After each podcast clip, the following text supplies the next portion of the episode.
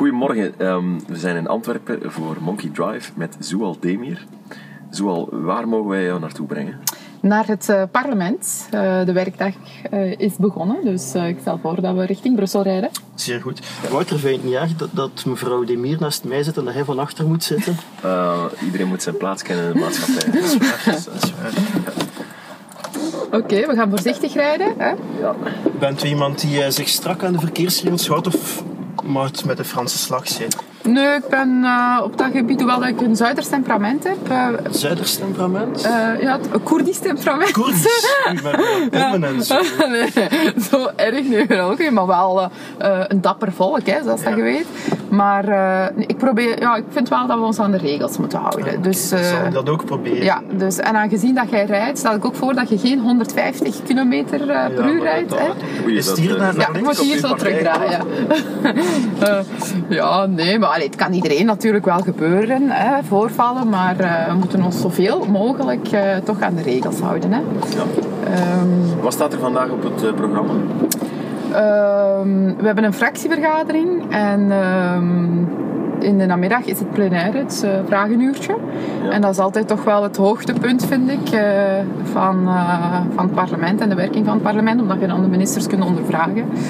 Ehm, dus we zullen zien waarschijnlijk. Daarbij uw, uw favoriete sparringpartner Chris Peters. Ja, inderdaad. En gaat u hem vandaag ook weer het, het vuur aan de schenen leggen? Of? Eh, ja, ik, eh, ik zou wel graag een vraag willen stellen over, die, eh, over dat stempelgeld dat veroordeelde terroristen hebben gehad in de gevangenis. Hè. Teruggekeerde Syrië-strijders die veroordeeld zijn. Omdat ik, ja, ik, ik begrijp dat niet, ik snap dat niet. Dat is toch echt onbegrijpelijk. Ik heb daar ook een jaar geleden al in de commissie een vraag over gesteld. Van hoe komt dat? Hoeveel mensen krijgen een uitkering van die Syrië-strijders die teruggekeerd zijn? En ik heb daar toen geen antwoord op gehad, eh, omdat hem dat te delicaat vond om die cijfers mee te geven. Eh, en eh, ja, dus, en nu moet ik dat gisteren in de gazette lezen. Dus ik wil de minister wel ondervragen van, ja kijk, ik, ik heb een jaar geleden de problematiek aangereikt. En hoe komt het dat die mannen nog altijd stempelgeld krijgen? Dat kan toch niet? Allee, dat snapt het toch niet? Maar je hebt toch echt wel een piek op die brave man. Nee, want ik noem die soms ook wel Chrissy. Chrissy. Chrissy Chris. Eh, wat zegt u Wat dan? zegt hij dan? Zoali. Nee, dat weet hem niet. maar vanaf nu wel.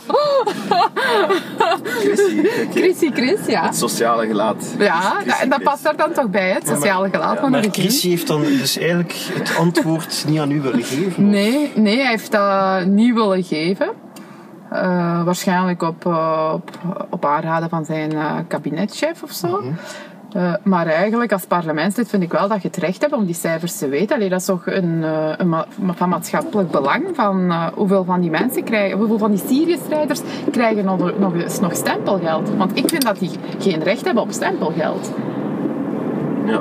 Ja. En is dat, want, want, even terug naar Chris Peters. Hè. Eh, ehm, je bent wel meer en meer zo vanuit N-VA dan het gezicht geworden van de harde N-VA. Die inhakt op eh, ja, wat Chris Peters nog probeert aan sociaal beleid te doen. Of, of zeg ik dat verkeerd? Je zegt dat totaal verkeerd. nee, dat is... ehm, ja, wat, wat is sociaal, hè? Ehm, Maar voor de vakbonden, om het simpel te zeggen, ben jij toch aardsveld. Eh, de- Degene die, die dat verpersoonlijkt allemaal. Hè. Nee, ik vind, van, eh, ik vind helemaal van nu. Ja, de vakbond vindt dat natuurlijk wel, omdat ik, eh, ja, ik probeer toch wel een aantal hervormingen door te duwen. Hè. Eh, dit land heeft nood aan hervormingen. We- Gisteren, eergisteren stond nog in de krant dat België een van de laagste tewerkstellingsgraad heeft van heel Europa. En heel Europa is het aantal tewerkstelling gestegen, behalve in België.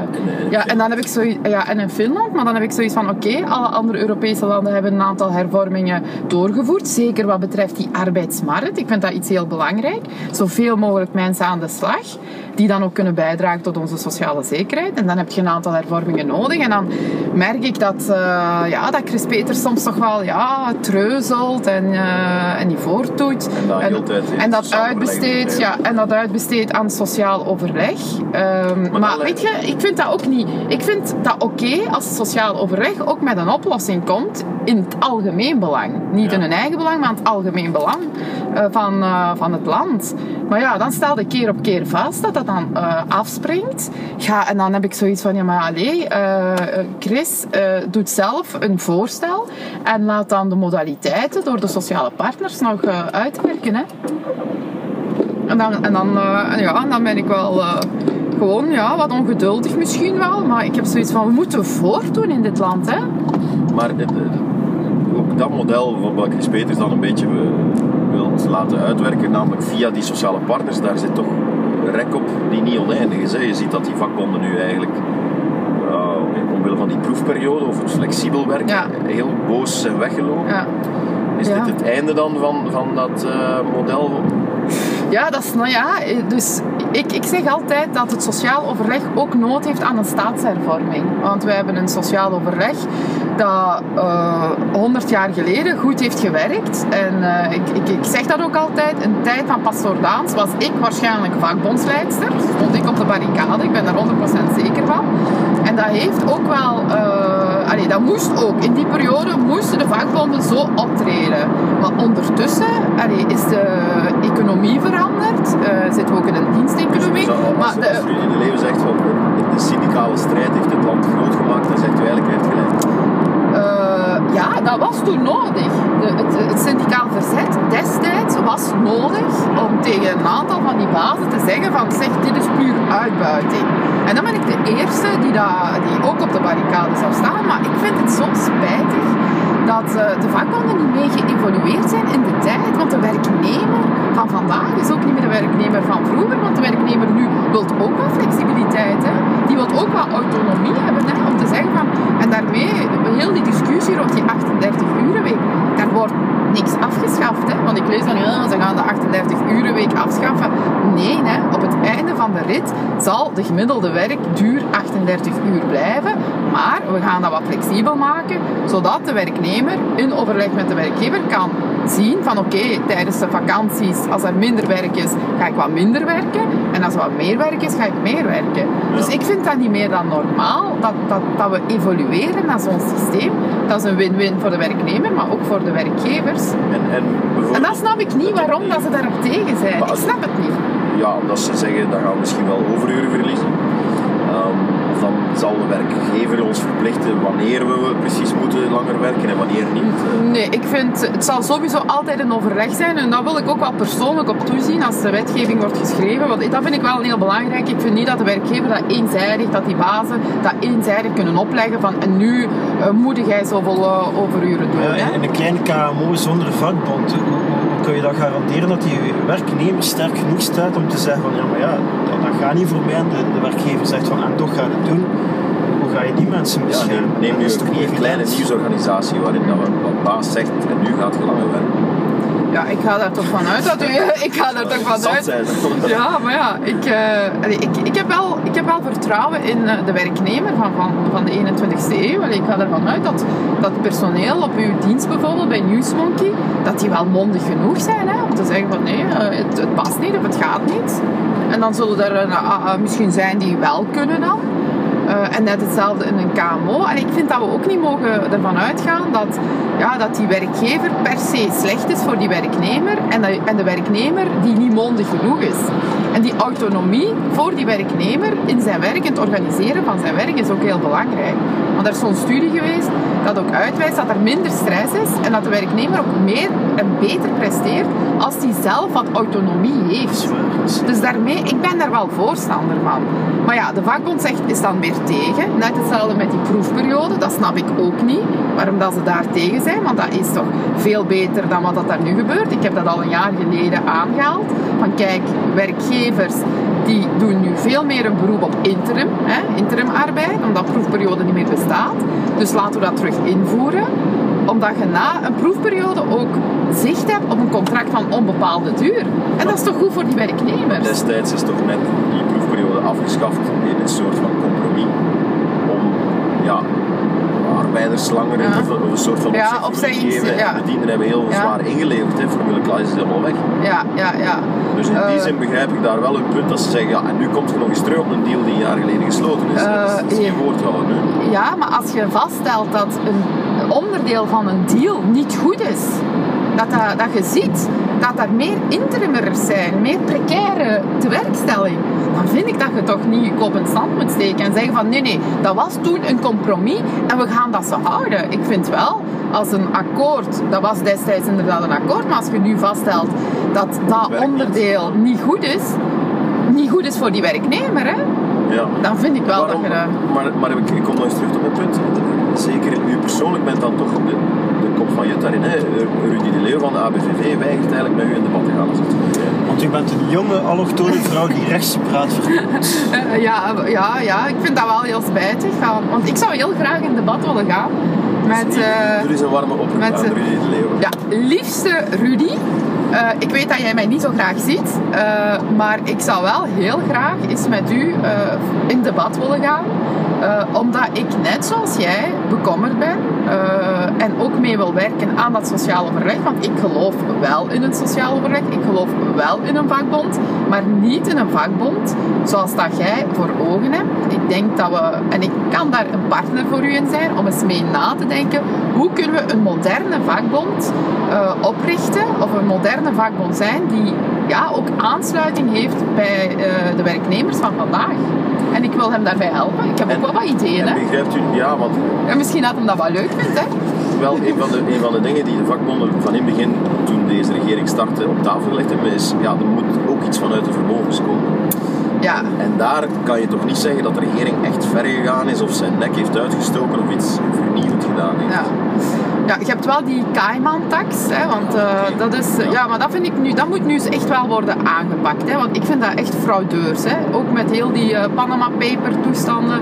Eh, ik vind Ja, dat dat niet kan, hè. De De- dag dat de Panama Papers uitkomen, kondigt Johan van Oortveld aan, we gaan niet in beroep tegen die ruling van de, of tegen die beslissing van de Europese Commissie.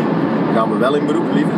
En gaat die eigenlijk opnieuw proberen om een aantal van de grote bedrijven die allerlei constructies hebben opgezet, vrijgeleide te geven. Ja, maar wat dat in nee, nee, naar de toekomst toe gaat hem het wel herzien. En dat moeten we ook herzien. Maar wat Ja. dat in het verleden tijdens Paars en Paars Groen is beslist geweest, ja, daar kan ik de minister wel nog in volgen. Dat is toch een zegt, beetje een fout politiek signaal, of qua timing minstens ongelukkig. Nee. Ja, qua timing, ja, qua timing was het misschien inderdaad wel ongelukkig, maar ik vind wel, de- hij heeft wel heel veel duidelijk gezegd en dat vind ik ook, naar de toekomst toe moeten we dat wel aanpakken.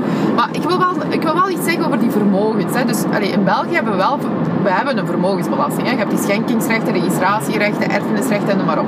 Maar waar dat ik echt persoonlijk een, een groot probleem mee heb, want ik ben ook dochter van eh, een arbeider, ehm, Waar dat ik een probleem mee heb, een mens, een werknemer die werkt en die overuren doet, dat is ook winst op zijn loon. Ja. Maar die betaalt daar belastingen op. Op die- ja, op overuren betaalt belasting.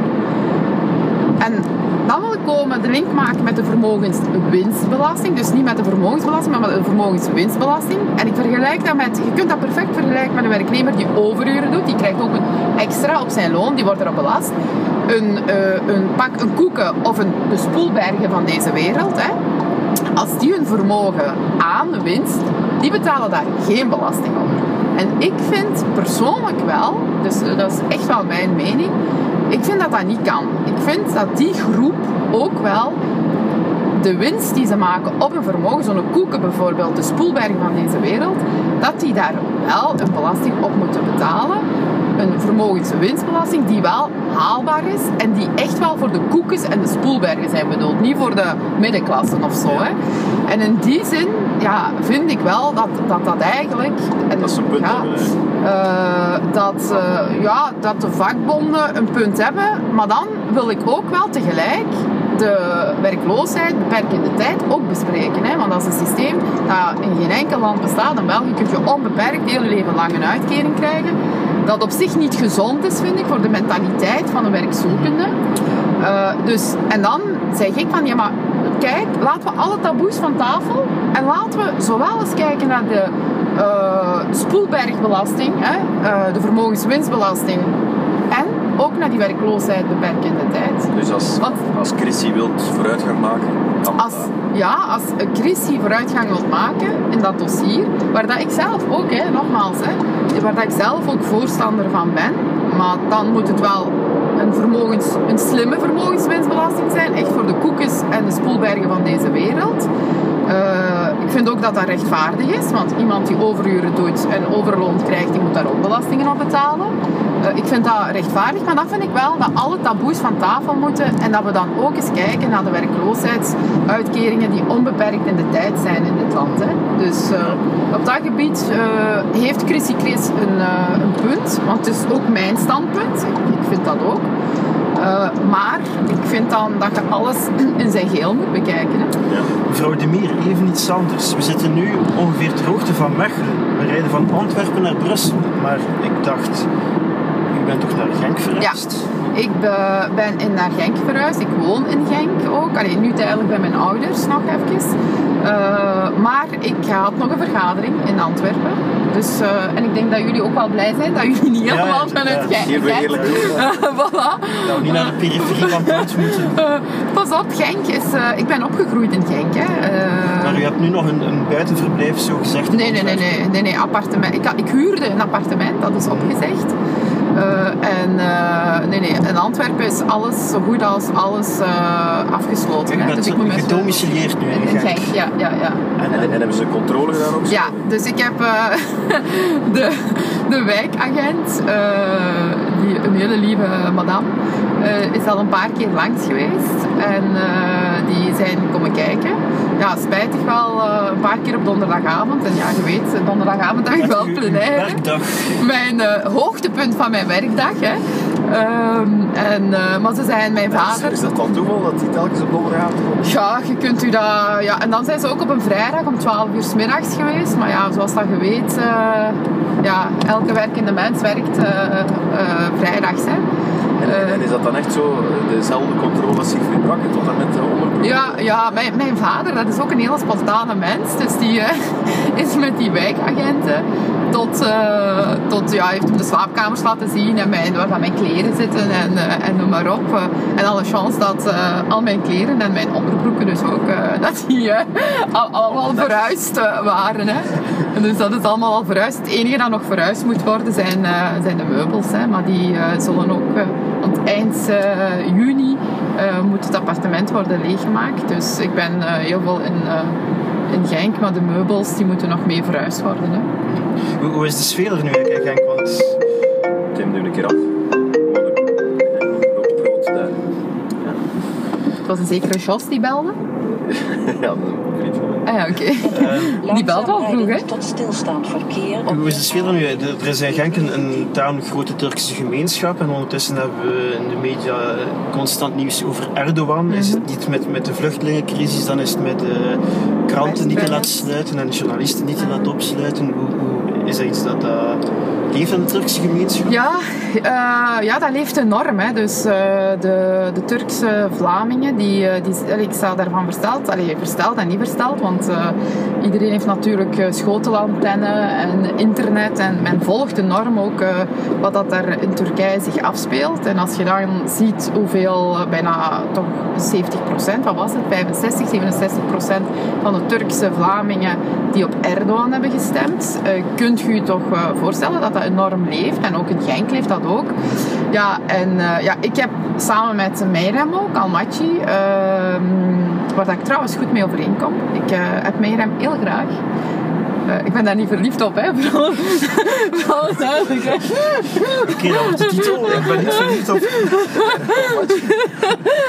Maar ik, eh, ik heb daar goede herinneringen aan, want wij hebben in 2012 in Antwerpen samen een eh, NVA groene coalitie gesloten. De enige, denk ik, van heel ja, het land. Ja, Nee. ja, ja, toch van het grote district. En daarna hebben we een aantal andere wel nog gevolgd. Maar wij waren daar wel eh, ja, pioniers in. Dus wie weet voor in 2018 in andere steden. dat dat nog kan volgen. En ik heb daar ook heel goed, ik heb met de groene vrienden in die coalitie ook altijd heel goed kunnen samenwerken en goede projecten kunnen opzetten. Maar los daarvan, dus daarmee, hè, ik kom eh, goed met eh, Meirem overeen. En ik vind dat ook, ook moedig van Meirem, die ook heel duidelijk haar standpunt ook weergeeft hè, om, uh, rond die persvrijheid. Want ja, journalisten bellen. Uh, ook naar aanleiding van de Armeense genocide hadden ze ook gebeld. Hè, want uh, je weet, we hebben dan een minuut stil te gehouden in het parlement. En ik was een van de enigste die toen aanwezig was ook. Omdat dat allemaal... Ja, van Turkse roots. Ja. Omdat dat ligt heel gevoelig bij de Turkse gemeenschap. Maar ja ja, ik, ik heb daar inderdaad mijn mening gegeven, ook over die persvrijheid. Dat ik zeg van ja, kijk, dit kan niet. Het kan niet dat journalisten die kritisch zijn uh, in de gevangenis uh, terechtkomen. Die een Duitse komieker, oké, hoe, hoe goor dat die ook is. Hè, um, bon, ik vind dat dat allemaal moet kunnen in onze democratie in, in het Westen. Maar als je ziet dat, dat Erdogan ook niet enkel Turkse journalisten opsluit, maar nu ook al Duitsland en Nederland bereikt, ja, dan vind ik wel dat je je stem moet laten horen. En daarvoor, wij zijn ook verkozen allee, om u te verstoppen. Uh, zoals dat andere collega's eigenlijk hebben gedaan. Ja, dat, ja, dan doe je eigenlijk je werk ook niet als, uh, als volksvertegenwoordiger. Je moet je stem laten horen, ook in dit debat. Ik vind niet dat enkel de politici met Turkse roots dat moeten doen, maar ik vind ook dat, allee, bijvoorbeeld Wouter Beek, ik ga hem dat straks vragen als ik hem zie, want die zit naast mij, dat is mijn lieve buurman, hè. Uh, Wouter. Uh, ik ga dat straks eens vragen wat dat hij daarvan vindt dat een van zijn schepen, een Genk, zegt de persvrijheid in Turkije is erop vooruit gegaan. Ik vind dat een heel opmerkelijke uitspraak, omdat als je naar de index kijkt, ja, dan zie je dat de laatste tien jaar de persvrijheid keihard achteruit is gegaan in Turkije. En dan vraag ik mij af, ja, zo'n Bekel of een Crombé. Hè, stoere communicatie, uh, Crombé in het laatste nieuws. Maar ja, de dag daarna, uh, ja, ze dronken een glas, ze deden de was en alles blijft zoals dat het was. Ja, en dan heb ik daar wel mijn bedenkingen over. Maar is en dat vraag ik dan iemand als buur die je daarop kan aanspreken? Ja, ja, ja, Wouter, ja, ja, Wouter is, uh, ik vind dat heel toegankelijk. Uh, ook een, een, hele lieve mens en wij praten over van alles, koetjes en kalfjes, maar ook over, uh, over dossiers ook wel, over politiek. Dus uh, ik, ik zal dat straks wel vragen. En ik hoop dat Erik van Rompuy het niet zal zien, want dan wordt hij altijd kwaad. dan wordt hem boos. Demir, dan doet hem zo met zijn vinger. Demir, onze voorzitter met rust laten, hè. Roept hem dan van achter. Hij is een beetje de, de Pretoriaanse wacht van Wouter een beetje wel, denk ik dan. maar nee, ik heb wel, ik, heb, ik apprecieer Wouter ook wel. Hebt u ook voor Wouter Beke een, een koosnaampje? Uh, nog nee, nog niet. Nee. Voor Wouter heb ik nog geen koosnaam. Dat is gewoon Wouter. Maar voor Chris Peters wel. Hè. Ja, dat is mijn allerbeste vriend dan ook, hè, binnen de CD&V. Ja, inderdaad. misschien terug even naar die Turkse gemeenschap. Is dat uit electorale overwegingen ook dat, dat, dat parlementsleden met, met een Turkse achtergrond, dat die zich daar niet echt over durven uitspreken? Zijn die bang om een kiespubliek voor het hoofd te stoten? Ik, ik, denk dat wel. Ik denk dat wel. Ze zullen natuurlijk ook wel rekening houden met, uh, met het feit dat zoveel Turken hier op Erdogan hebben gestemd. Dus ja, ze hebben schrik als ze zeggen, als ze wat kritisch zijn, ja, dat dat natuurlijk wel een weerslag kan hebben op een voorkeurstemmen. Maar ja, anderzijds... Dan, denk je dat er vanuit Turkije, vanuit de AKP dan bijvoorbeeld gestuurd wordt van die wel en die Ja, ja allee, ik zal bijvoorbeeld, ik zal, eh, je weet, uh, verschillende parlementsleden van de SPA en de CD&V hadden niks gezegd daarover. De dag daarna komt daar een tweet hè, van Fatma Pelivan bijvoorbeeld, die heel algemeen zegt van mensenrechten en persvrijheid zijn fundamenteel.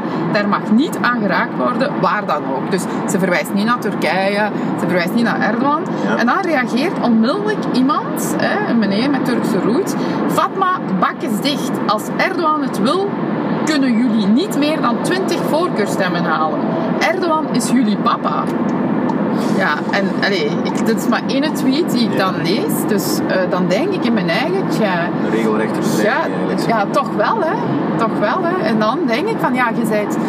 Weet je, ik heb er wel wat moeite mee, omdat je... Wij, wij zijn hier geboren. Wij zijn, ik ben tweede generatie. Wij hebben hier... Uh, wij hebben die westerse waarden meegekregen. Wij hebben geleerd democratie. We hebben geleerd scheiding kerk en staat persvrijheid. En ik vind dat we dat ook moeten. Wij, een, wij zijn een rolmodel ook naar die tweede, derde generatie toe. En ik vind ook wel dat wij dat moeten uitleggen. Hè.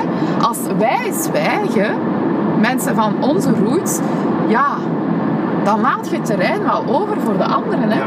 Dus daarmee dat ik het Is wel vind. Is, is het niet makkelijker om dat te zeggen met Koerdische roots? Want natuurlijk, ja, jullie hebben weinig affiniteit met Erdogan, denk ik dan.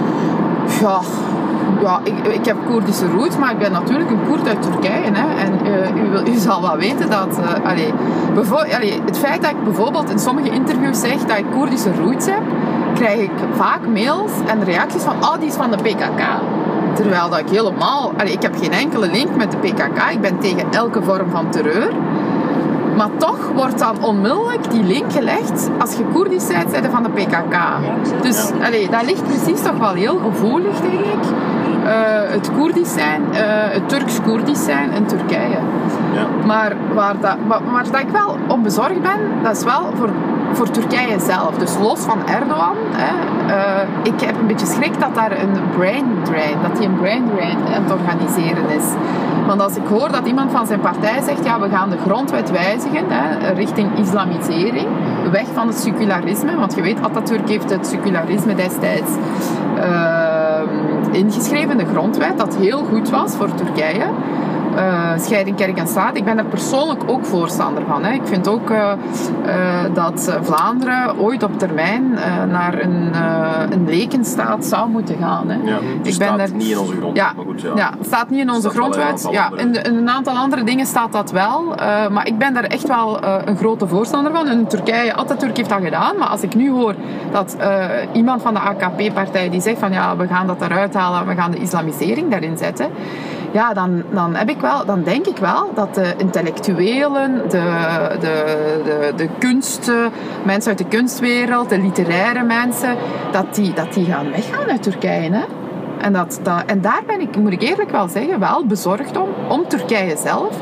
Dat die net zoals in Iran destijds, hè, daar is ook destijds die Zo'n IR. exodus. Ja, en, en in Iran heb je dat ook gehad, al die intellectuelen, al die eh, eh, dokters en ik weet niet wat allemaal, die, eh, de literaire mensen, ingenieurs, die zijn allemaal weggegaan, Amerika en Europa. En allee, dat is iets op lange termijn, dat, ik, allee, dat, dat ik toch wel bezorgd ben, hè, dat dat, dat, dat dat een evolutie kan zijn in Turkije en dat niet goed gaat zijn voor, voor Turkije zelf als land en ook niet voor de Turken daar. Zeg, en een van de dingen ehm, die je recent gedaan hebt, is, is mee met dat eh, tv-programma op 4 terug naar eigen land, denk ik dat was. Ja. Want dat, dat speelde zich voor een groot deel ook af in Turkije. Ja. Hoe was dat om, om daaraan mee te, deel te nemen? Ehm, ja, ik, eh, ja, plezant was het niet. Eh, maar eh, ik vind het wel goed dat ik het gedaan heb. Dat ik, eh, dat ik daar naartoe ben gegaan. Dat was ook goed georganiseerd van die programmamakers. Dat je ook alles ziet. Dat je met heel veel vluchtelingen spreekt. Ehm, Ja, Martin Heijlen is wel een vakman. Hè? Ja, ja, Martijn, ja, Martijn heeft dat ook heel... allee, ik vind dat hij dat ook heel goed heeft gedaan. Maar je hebt wel Eh, heel veel kritiek gekregen erop, hè? of heel veel Eh, reacties. ja, op, ja, maar daar kan ik mij wel aan ergeren, want de sociale media tegenwoordig, dat is, als, als het slecht is, iedereen zet dat op sociale media. En als iets goed is, dan zetten we dat nooit op sociale media. Ik vind wel eigenlijk dat positieve dingen ook eens op sociale media zou moeten komen. Ja, Hè, want, ik denk eh, dat je wel aan het bent, maar goed. Ja, ja, maar toch... Maar, veel positieve dingen op ons. Ja. er mensen te tweeten, Demir vooral geweend. ja, maar, maar vaak is het toch wel dat sociale media als, als pispaal wat dient. Ja, rijden wij juist. Ja, ja, we rijden juist, ja. Dat het toch Ja. vaak als pispaal wordt gediend. Neem nu bijvoorbeeld opnieuw over Brussel. Nu, die Brussels Dining is zoiets, of Dining for Brussels. Er zijn toch heel veel positieve dingen op Ja. via, Ja, oké. via sociale media. Ja, maar ook, maar ook veel negatieve dingen, vind ik hoor. Ah ja, de Eh. Ja, dus bij deze ook een oproep om zoveel mogelijk positieve zaken op sociale media te zetten. Maar inderdaad, ik heb daar reacties op gekregen. Maar het, het rare is, dus je krijgt reacties van, eh, op sociale media. eh, de mensen die mondig zijn, oh, Demir is hard en dit en dat. Maar op straat, eh, bij de kassiersters eh, in de Deleuze en de Aldi en de mensen op straat, daar krijg ik dan andere reacties op. Vlaamse onderbuik. Ja, Vlaamse onderbuik. Ja, mensen die toch zeggen van ja, hallo, gelijk. je, het is, je hebt gelijk en het is, het is eerlijk en het is correct dat je daar geen gratuit verklaringen bent gaan afleggen. Want dat had ik ook kunnen doen. Hè. Even eh, de sympathieke van oh mannetjes zo erg en dit en dat en dan kom maar allemaal af en we gaan voor je zorgen. Maar dat heb ik niet gedaan, omdat ik ook vond dat ik eerlijk moet zijn. En wij hebben daar de kans gekregen om met heel veel vluchtelingen te spreken. En waar dat ik mij aan ergerde was... ehm, hè? 40, denk ik, kom niet. Best. Ja, ik denk ook wel dat ja, maar, maar waar, dat ik mij wel, wat dat mij wel stoorde was dat die, dat die vluchtelingen heel slecht geïnformeerd waren door de mensensmokkelaars. De mensensmokkelaars, dat die vluchtelingen wijs ma- die maakten die bijna wijs dat ze zelfs in Duitsland een auto cadeau krijgen. Hè? Naast een verloning en naast een sociale woning en ik weet niet wat. En dat kwam zo telkens terug naar voren. Want oké, ik vroeg dat ook altijd, ah, waar gaat je naartoe? En ik moet ook eerlijk zeggen, oké, er was, dat was met een tolk of soms zonder tolk. Waardoor dat je in het Engels heel kort, hè, waar, waar gaat je naartoe en why? Oké, je bent dan zo al korter, omdat dat in het Engels is. Maar ja, ik vond ook wel mijn pl- plicht een beetje om, om, om eerlijk te zijn en tegen die vluchtelingen te zijn. Ja, maar ja, wij staan daar, één, wij staan daar niet op te wachten. En twee, eh, je krijgt niet alles gratis. De Ook, ook, zijn hier niet geplaveid. Oh, ja, ook jij zult moeten werken. En de arbeidsmarkt in België is al op dit moment heel moeilijk voor laaggeschoolde mensen. Dus ja, ik ben daar eerlijk in geweest. Oké, ik geef wel toe. Ik, allee, ik geef wel toe dat dat hard in momenten hard kan overkomen. Maar ja, ik heb ook zoiets van, ja, wie is hard? Hè? Ben ik hard omdat ik eerlijk ben? En oké, eh, of zijn die mensen smokkelaars hard? Die die mensen van alles wijsmaken, dat die hier echt van alles krijgen, hè? Is dat soms het verschil in die coalitie tussen de parley vrij dan die bij NVA zit, hetzelfde beetje met die dansende moslims of niet? Of was dat nu significant na de aanslagen? Eh, eh, Wat, allee, het lijkt mij soms meer te zitten, want je kan, er is niemand die zegt de NVA zijn een bende racisten. Misschien een paar critici, maar dat, dat, dat- dat is niet de kritiek, maar wel de tone of voice en de manier van aanpak die dan ook weer bij CD&V ja, duidelijk ergert. Hè? Want hier Wouter Beek heeft, heeft een stuk geschreven waarin hij zegt dat heel dat wij-zij-discours, kijk, Ja, heel naar rechts, daar, waarin dan eigenlijk Lisbeth Homans viseert, maar eigenlijk gaat het over heel de partij, dat hij zegt van ja, dat, dat wij-zij-discours, dat harde discours, dat is niet van ons. Ehm, ja, ik denk dat het verschil vooral zit dat, dat jarenlang in, eh, in België, de politiek, dat men nooit iets heeft willen benoemen. Eh, Ik, ik moet eerlijk zeggen, voordat ik in de politiek zat, heb ik mij daar ook aan geërgerd. Ik heb ook zoiets van, maar, mensen, politiekers, benoem het toch gewoon. Zeg gewoon wat dat probleem is. En, en waarom moeten we er altijd zo wollig over doen? En, en ja, maar, nee, ja. Dus, en dat is denk ik het verschil, dat wij wel zaken gewoon benoemen. Dat we gewoon echt zeggen van, oké, dit is hier niet juist. Ja. En, en ik vind dat net goed, want je moet natuurlijk dingen kunnen benoemen om daarna ook een oplossing te vinden voor, eh, voor het probleem. En, en dat denk ik dat het grote verschil is met de andere eh, klassieke, traditionele partijen, die dat mm, ja, wat wolliger benoemen of niet benoemen. En eh, ik, vind, ik vind dat gewoon niet goed, want kijk tot, wel, tot wat heeft dat ons geleid de afgelopen 20, 30 jaar. Hè? Want oh, we mochten daar niet over praten. Multicultureel mo- moest tof zijn, moest heel fijn zijn. Eh couscousavond organiseren, ah, gezellig. Eh, maar eh, ja, niemand heeft zich afgevraagd, oké, waar gaan we naartoe met die multiculturele samenleving? En wat zijn hier de problemen?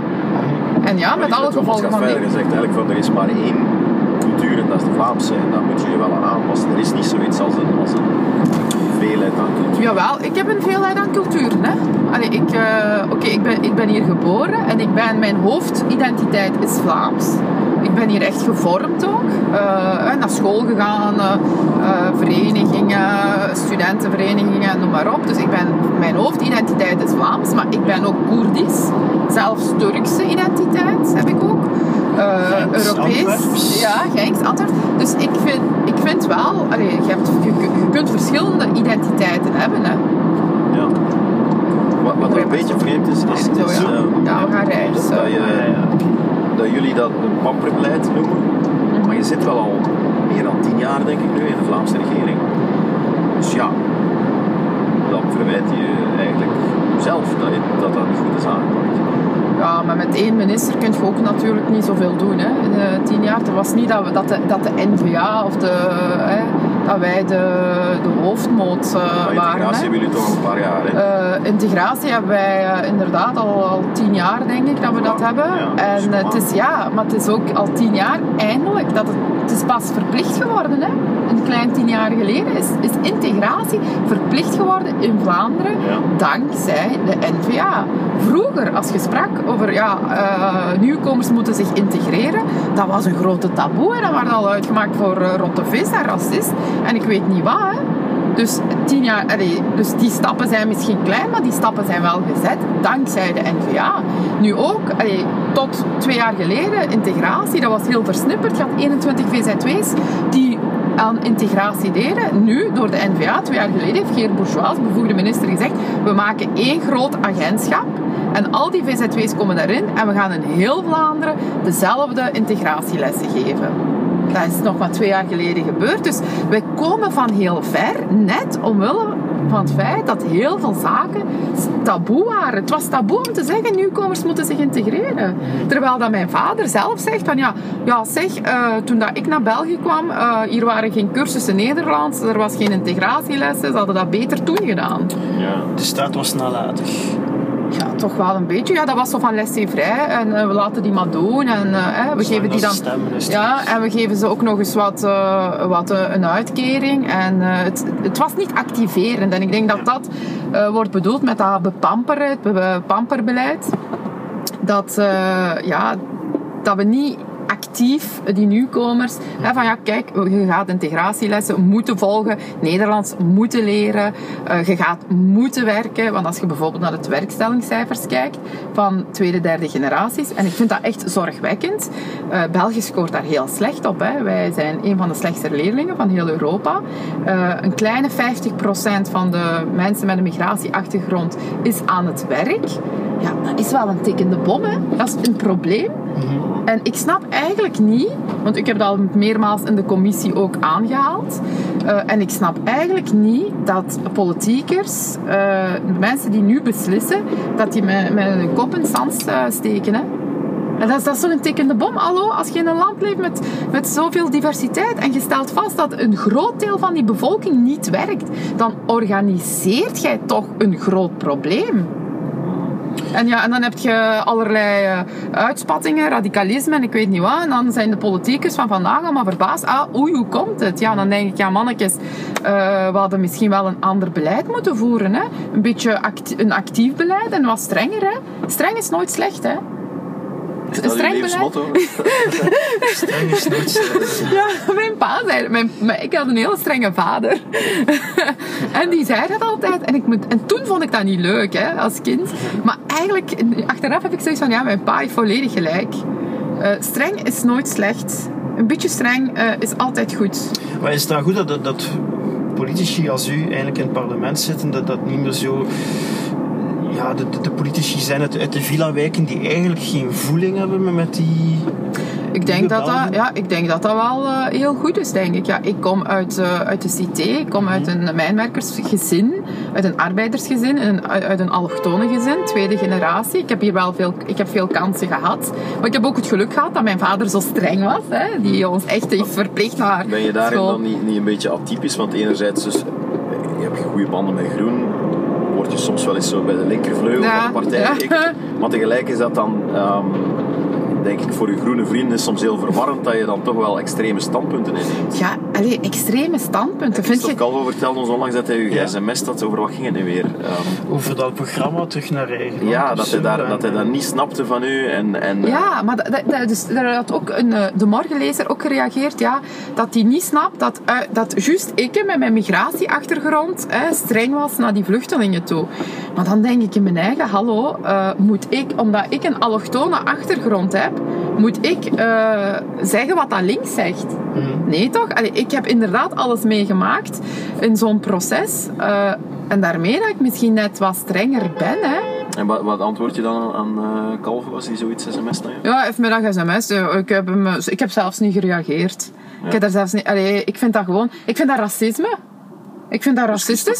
Is er als Ja, ik vind... eh, dat is toch racistisch? Omdat ik een andere achtergrond heb, moet ik toch een ander standpunt hebben over de vluchtelingenproblematiek. Is dat niet racistisch? Dat is toch racistisch? Ja, maar bon, Ik denk dat we met die termen moeten stoppen. Ik weet niet of dat... ik denk dat racisme relatief is. significant. Eh, Ja, we moeten, maar allee, dat is, allee, ik vind dat, dat is, dat is misschien omgekeerde racisme Maar ja, dan, bon? Christophe Calvo heeft, heeft zelf Spaanse roots, dus hij, hij had het erover. van- Catalaanse roots, hè? Ja. Catalaanse roots. Ja, echt Catalaanse roots. Het is hetzelfde systeem van Koerden en Turkije. Ehm, maar dat hij zegt... Maar, eh, eh, even terug op de vraag, want dat dat interesseert mij ook wel. Ben je nu eigenlijk eh, bij de linkervleugel van NVA of de rechtervleugel? Ik denk tot geen enkele vleugel, want ik... De ik- Zoal-vleugel. Dus- Volledig op zichzelf. Dat is ooit eens over u geschreven. Ja, hè? ik In weet een- het. Van een fractie, je had, je had één kamp en een ander kamp en dan had je Zoal, die volledig haar eigen.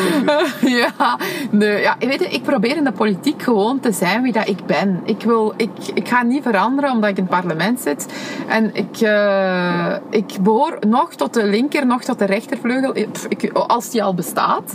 Eh, maar bijvoorbeeld als ik zeg, eh, ja, ehm, bijvoorbeeld van die vermogenswinstbelasting. Ja, Ik vind dat voor een volkspartij en een gemeenschapsvormende partij die wij zijn, dat is toch normaal dat ik zeg van, oh ja, laten we dat eens bespreken. Dus samen met de werkloosheidsuitkering beperkende tijd. Ja, zijn dan progressief? Ja, in dit geval wel, hè. dat is toch duidelijk. Dat is toch zeker niet mainstream. Maar ja. Of uw partij verwoordt dat op dit moment niet. Hè? Eh, maar zeiden dan, maar ja, ineens zeg ik ook de werkloosheid beperkende tijd. Allee, zeiden dan rechts dan terug? Weet je, ik vind dat. Dus ik, ik geloof ook niet meer in het rechtse en linkse, in heel dat discours. Allee, Hoe, hoe is uw relatie tegenwoordig met de voorzitter van uw partij? Want hij is niet altijd even constructief geweest, laat het ons zo zeggen. Ja, ja ik, nee, ik, eh, ik heb een, eh, een, heel, een heel goede band met eh, de voorzitter. Ik, ja, oké, ik ben misschien niet de gemakkelijkste, niet gemakkelijkste parlementslid. En, ehm, en dat, ja, als voorzitter heb je natuurlijk wel graag eh, eh, eh, ja, parlementsleden die... eh, ja, Bart niet, Wevers eh, soms zeggen tegen nu van kalm, kalm. niet, eh, niet, niet al te moeilijk zijn. En ja, ja ik ben iemand die eh, ook al, altijd zijn mening zegt. Eh, ja, eh, ook al is dat misschien niet altijd leuk natuurlijk voor een minister of voor een parlement, eh, voor een eh, voorzitter. Eh, maar ik vind wel dat, eh, en dat vind ik dan wel goed, dat, dat die ruimte er is wel eh, in onze partij om je mening te zeggen. En dan wordt dat ook wel geapprecieerd en Bart ook wel. Ik heb, eh, ik, eh, ik heb toch wel de indruk dat hem dat apprecieert. Hij heeft wel, denk ik wel, zoiets van, oh nee, eh, help, Demi, rustig, kalm. Eh, maar uh, enfant vind hem dat wel goed. En mijn eh, relatie tot hem is, allee, we hebben een, een goede band. Allee, want relatie is dan weer zo'n term. hè. Ja, ja. Maar nee, ik heb, allee, als, als, mij iets niet, als ik zeg van ja, nee, dit is niet oké of we moeten dat anders aanpakken, ik kan dat ook wel zeggen tegen onze voorzitter. En dat vind ik wel goed. Allee, dat je, dat je een, een, een, een, dat, ja, en dat hem toegankelijk ook is. Ja. Hè? En dat hem dat ook oppikt. Want een van de punten, dat is iets structureel natuurlijk, is dat ehm, het man-vrouw evenwicht bij NVA toch een beetje zoek is. Hè? Ook opnieuw de laatste keer bij de keuze van fractieleider. Ik denk niet dat dat altijd doorslaggevend moet zijn, maar als je het totaalplaatje legt bij NVA, Hmm. blijft dat toch een pijnpunt. Hè? Ja, allee, ik ga. Allee, het staat ook op zwart op wit hoeveel eh, mannelijke ministers dat we hebben en fractieleiders. Dus ja, dat is ook geen zin dat ik hier eh, ga zeggen, ja, maar ja, nee, dit en dat. hè. Dus allee, zeker als vrouw, want ik, vind, ik noem mij ook altijd een moderne feminist. Niet de feminist van de jaren stilletjes, maar wel een vrouw, een zelfbewuste vrouw. En ik vind ook wel dat dat, dat, dat eigenlijk anno 2016 eh, niet kan. Eh, Dus ik vind wel dat je zoveel mogelijk moet kijken naar een beetje toch hè, even, evenwichten. Hè. Dat is overal belangrijk. Ook in bedrijven vind ik dat heel belangrijk. Dat die top ook evenwichtig is. Zonder dat dat afgemeten moet zijn. Dat moet allemaal niet afgemeten zijn. Eh, maar ik denk, en ik ben daar zeker van, dat, dat de partij daar een uh, inhaalbeweging gaat zetten. Daar ben ik uh, van overtuigd. Je moet ook niet vergeten, ja oké, okay, de mannen die nu uh, in, in functie zijn, ja, die waren daar ook allemaal natuurlijk van het eerste uur. Die hadden ook wel iets meer ervaring. zonder dat ik het goed praat. Hè. ja goed, dus... want de, de, de, keuzes die dan gemaakt zijn, ja, je kan veel zeggen, maar toch niet dat elke sleurshow een fantastisch profiel heeft aan, aan die regering.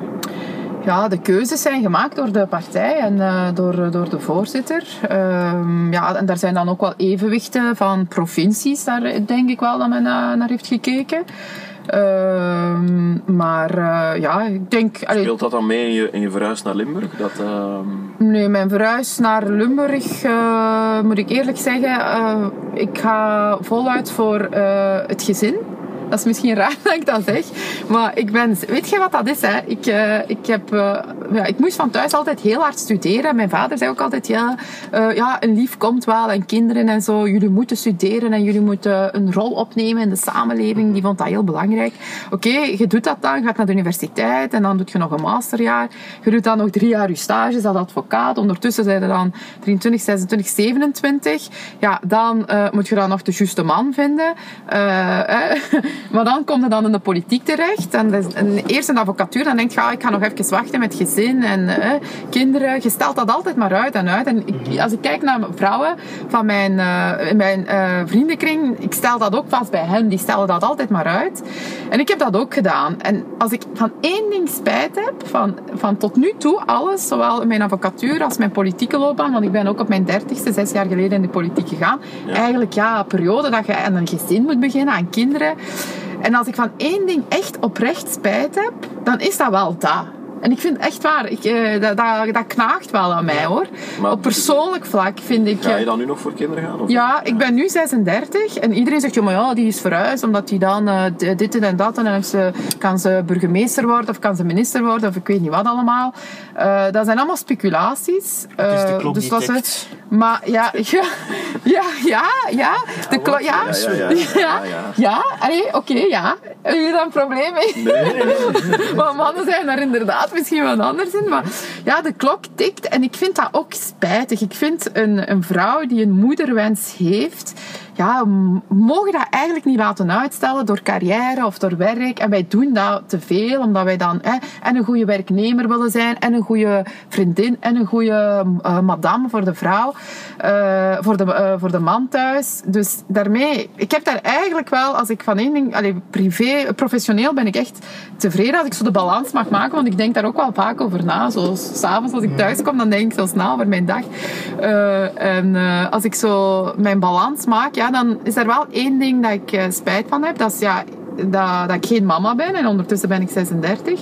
Dus ik, wil daar, ik, wil, ik vind dat echt prioriteit. En twee is ook wel mijn familie die ik de afgelopen tien jaar toch wel enorm verwaarloosd heb. Dus bij deze, Ja. ma en pa, het spijt mij. Sorry, eh, maar ik maak het wel. Allee, ik ben het ondertussen al aan het goedmaken, want ja, ik blijf nu in Genk bij mijn ouders slapen. Eh, tijdelijk. Totdat ik eh, in mijn nieuwe woons intrek. En ik moet eerlijk zeggen eh, dat dat niet fijn is, want mijn pa die belt mij om tien uur als ik nog niet thuis ben. Oh, waar zit je? Ja, waar zit Oei, je? Ik, Hebt u ja, nu?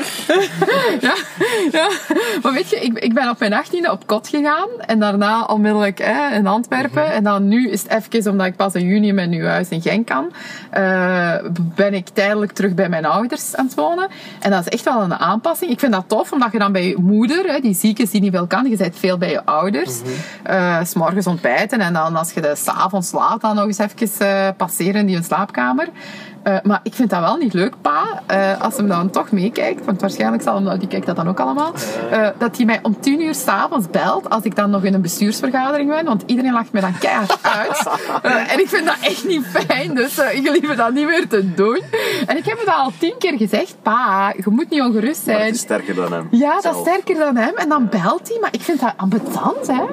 Ja, en dan zo, ja, iedereen ziet dat papa belt, staat er dan zo op mijn gsm. maar ja, het is goed bedoeld, hè. Het is goed bedoeld.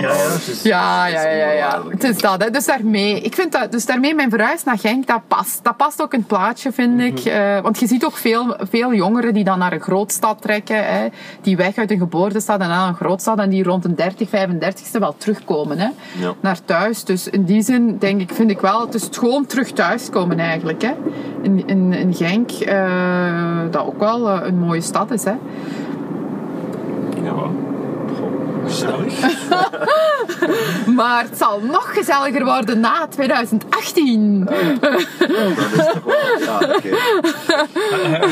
Zal Genk dan niet opeens een, een, een zeer koude, kille stad worden als u daar de plak zwaait? Eh, Harde rechtse... Eerlijk gezegd, ik vind dat Genk nu heel veel beton heeft. Als je zo in het centrum van Genk en zo wandelt, Ja, ik vind heel veel beton en asfalt en ik vind dat heel hard. Dus als ik in het bestuur zou zitten, Ik heb dat destijds ook met de Groene Vrienden in Antwerpen gedaan. Antwerpen vergroent. Mhm. Dus als ik mijn bestuur zou zetten, ik zou wel enorm inzetten op de vergroening Ja. eh, van Genk. En dan zal Genk een zachter zijn. Eh, Steven belt. Ja, ja. Nog een kameraad. Je hebt wel veel vrienden, hè, Wouter? Heel veel vrienden. Ehm, Ik ga zien. Ik denk dat iemand mij nog heeft gebeld, hoor. Ik zal eens checken, hè. Nee, ziet, mij heeft niemand gebeld. sorry. Ja. Goed. ehm, misschien nog één ding over die gemeenteraadsverkiezingen. Ehm, want meteen daarna komt dan eigenlijk het eh, federale... Allee, komt er dan een- zevental maanden na. Dat betekent eigenlijk, als je kijkt naar het regeringswerk, heb je nog eigenlijk goed anderhalf jaar voor je helemaal in een, in een electorale dynamiek komt. Ehm, en dan is de vraag wel van, ja, komt het, komt het eigenlijk goed met deze regering? Hè? Want financieel, zo, laat zeggen, eh, budgetair zit het nog niet helemaal op orde. Zit je voor een heel moeilijke oefening nu voor, voor 17 en 18. En daar komt bij dat eigenlijk de economische groei, wat er net ook zei, de werkloosheid, dat dat eigenlijk niet aanslaat zoals de rest van Europa. Dus je zit in een, een gevaarlijke cocktail volgens mij. Ja, daarmee dat ik ook denk dat eh, dat, dat klopt. Dus die analyse eh, wordt ook gemaakt. Je ziet ook dat die groei er niet is in België, terwijl in andere Europese landen wel. Dus vandaar dat ik ook eh, echt wel vind dat die hervormingen zo snel mogelijk moeten worden doorgevoerd. Eén, twee, op loonkost denk ik ook wel dat we een tandje nog moeten bijsteken. Want laten we eerlijk zijn, de loonkost is nog altijd hoog. Hè. De bruto loon, hè, niet, ik heb het niet over netto. Ehm, en eh, ja, eh, Chris Peters heeft ook gezegd hè, in zijn laatste interview van in juni gaan de begrotingsbesprekingen heel hard zijn, ook budgetair. Want Ja. inderdaad, eh, Iedereen budget... ligt boven zijn stand. Eh, nee, dat vind, nee, dat vind ik echt wel niet. Als ik zie naar mijn zussen, die alle twee werken, eh, die potverdikken anderhalf uur op de trein moeten zitten op eh, s s'morgens en dan nog anderhalf uur terug en die dan een loon hebben van eh 1600 euro netto, dan denk ik niet dat die... En die drie kinderen hebben die dan nog naar de crash moeten en zo. Eh, nee, dus ik vind niet dat iedereen boven zijn stand leeft. Maar wat dat ik wel vind, ja, moeten eens... Wie, wie leeft daar wel boven zijn stand? Ja, dat zijn die mensen die daar allemaal eh, een, een geld in, eh, in allerlei eilanden hebben staan. Hè? Dus vandaar die Cayman-tax is goed. Hè? Nu het Jan Poppen. ik ken een Ann Poppen, misschien is dat wel familie. kan, hè. Eh, ja, inderdaad. Ja, politici, wij hebben, wij hebben ons steentje... Allee, wij, van ons loon is er afgegaan. Dus van mijn part mag die discussie nog eens opnieuw eh, gestart worden. Eh, mij niet gelaten, echt waar niet. Ehm, maar eh, ja, ik denk wel dat je geen feeling hebt met de realiteit als je zegt dat iedereen boven zijn stand leeft. Oké, de spoelbergen van deze wereld die leven wel boven hun stand en die fraudeurs ook. Maar, eh, Maar, maar terug naar de essentie. Je de zegt men- eigenlijk van als we die motor niet aankrijgen, als, als dat niet lukt, dan is het omdat Chris Peters te traag gaat. Ja, nee. Niet, niet alleen Chris Peters, maar ook budgetair. Hè. Minister van Begroting, eh, die moet ook eens hard op tafel kloppen. Hè. Dus budget, begroting moet ook in orde zijn. dat niemand weet wie de minister van Begroting precies is. Eh, ja, Wilmes, hè. Mevrouw Wilmes. ja, inderdaad. Ik vind dat zo spijtig, omdat Johan altijd zo Ja, wordt bestempeld als precies eh, is- is als, die- eh, eh, minister van Begroting. eh, dat niet het geval is. Eh, ook die dingen moeten in orde. Maar ik geloof wel, allee, dat, dat ben ik wel. Misschien ben ik een optimistische eh, politicus, ik weet het niet. Eh, ik denk het wel. Eh, maar eh, het moet goed komen. Er is geen optie. Er is geen andere optie. Ja. Dat, allee, die hervormingen moeten doorgevoerd worden, punt aan de lijn. Eh, en hopelijk samen met de sociale partners. En, eh, en ook eh, de centen moeten ook in orde zijn. Hè. Punt aan de lijn. Hè. Het is niet de bedoeling dat we meer belastingen gaan heffen. Hè. Ja, uw voorzitter die, die ziet nog geld in de sociale zekerheid. Terwijl dat je ook kunt zeggen, die F35 kost ook pakken geld. Misschien moet die F35 dan maar geschrapt worden. Ja, en dan was dan de optie? Geen F-35. En dan moeten we toch ook een beetje denken aan, eh, aan de veiligheid. Het duurst en het minst. Nee, maar weet je wat dat mij opvalt? Weet je wat dat mij opvalt? Eh, in de laatste jaren zijn de uitgaven in de sociale zekerheid verhoogd, hè, enorm. Dus ik vind dat we moeten kijken van ja, hoe komt dat dat dat zo gigantisch toeneemt allemaal?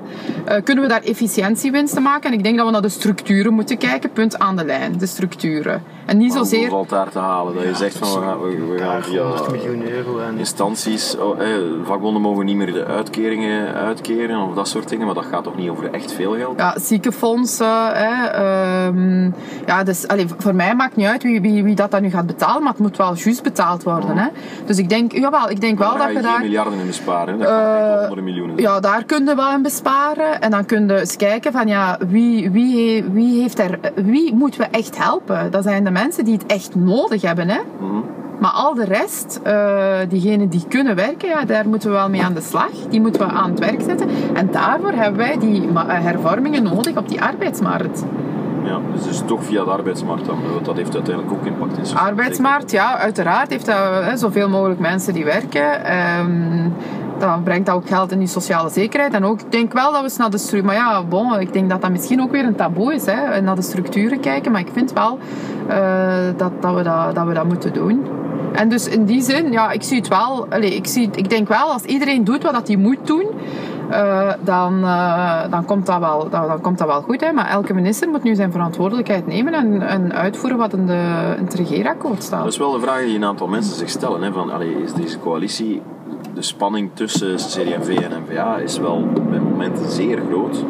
Het is een beetje terug naar de open debatcultuur van, eh, van Paars Groen, of dat heet dan kibbelkabinet in deze legislatuur. Eh, het komt zoveel voor dat we eigenlijk niet meer verbaasd zijn. Ja, ja. ehm, ja.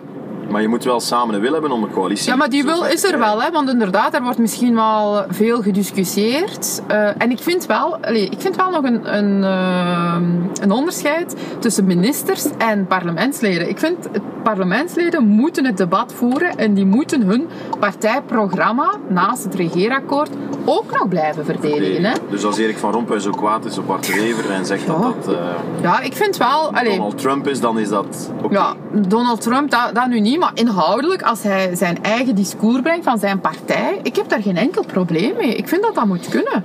Eh, als die een partijprogramma of partijpunt van de CD&V verdedigt, geen enkel probleem. Maar waar dat ik wel een probleem mee heb, ik vind, ik vind wel dat ministers, dat die wel het regeerakkoord moeten uitvoeren. En dat die niet met, met partijprogrammapunten en ik weet niet wat, en ik ben het sociale gelaat van deze regering. Nee, hè. Allee, Hebt u eh, het nu over iemand specifiek? ja, eh. Samen uit, eh, samen thuis, hè, voor de ministers. Dat vind ik wel. Chris, Eekot. Ja, allee, daar, en ik denk dat mensen zich daar ook wel aan ergeren een beetje. En terecht ook. Want eh, ik vind dat ministers gewoon hun werk moeten doen. Die moeten beleid voeren. Hè, en laat de discussie maar over aan de parlementsleden. Hè, Ja. die, dan, die wel hun, hun, hun partijprogramma kunnen verdedigen. Die wel met nieuwe standpunten naar voren kunnen komen. U, u bent wel het luidste lid van uw fractie eigenlijk. Hè? ja, ik heb wel een luide stem. Maar ja, u gebruikt die stem ook graag. Ja, maar, ja, ja, maar pas op, hè. Eh, ja, dat kan wel zijn, maar anderzijds is dat toch normaal? Als je verkozen bent door het volk, je zit parlementslid, Ja, je zit in het parlement, dan moet je toch je stem laten horen, potverdikke.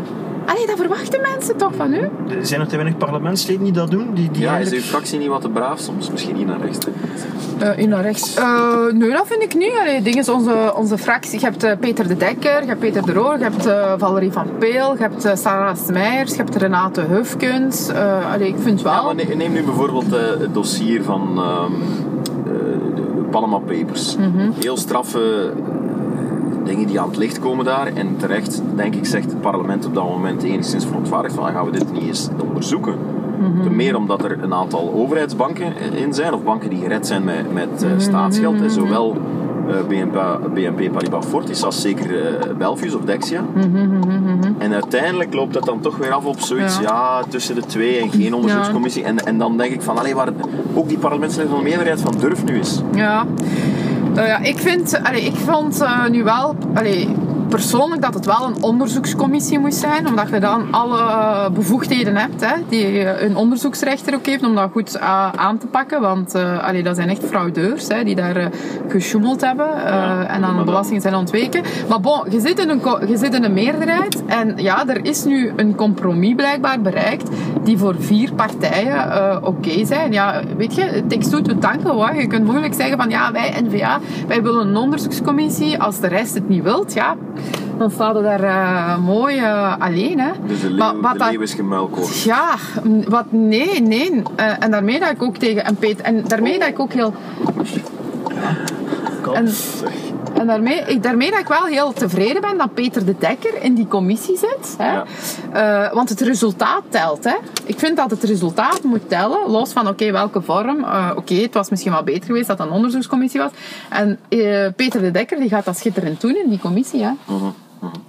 Oké, we zijn eh, aan het parlement. Inderdaad, het werkdag eh, Ja, kan We beginnen. gaan u laten... eh, Ja, en wie gaat mij naar Genk brengen vanavond? ja, doen? maar die gaat dat ook komen doen, hè. Die gaat dat, die gaat dat echt willen doen, hè. Goed, militaire politie. Ja, we gaan, we gaan. Kom Hallo. een parlementszet afzetten. Van de NVA dan nog. Ik ga direct uitstappen. Hallo. Ehm, amai, eh, die beschouwen mij precies als gevaarlijk. Ja, maar ja, man, met baard en... Het is dat. Ja, jij hè, met je lange haar en zo, hè. Dat is heel verdacht, hè. Eh, Ben, heb ik eh, veilig genoeg gereden? ja, je hebt heel veilig gereden. Ik ben heel blij dat je geen 150 eh, Nee, nee, dat per uur, dat zou je niet doen, hè. Nee, nee, dat Maar ik vind dat je wel goed, eh, dat je dat goed gedaan. blij. Oké, Maar ik zal, ik zal de trein pakken. Dat duurt wel anderhalf uur, maar dat is geen probleem. Dat is mijn eigen schuld, hè, als ik in Genk kan wonen. Ja. Alright, Oké, heel bedankt. goed. Graag gedaan. Het was heel leuk. ja. Allee, ik vond het ook leuk.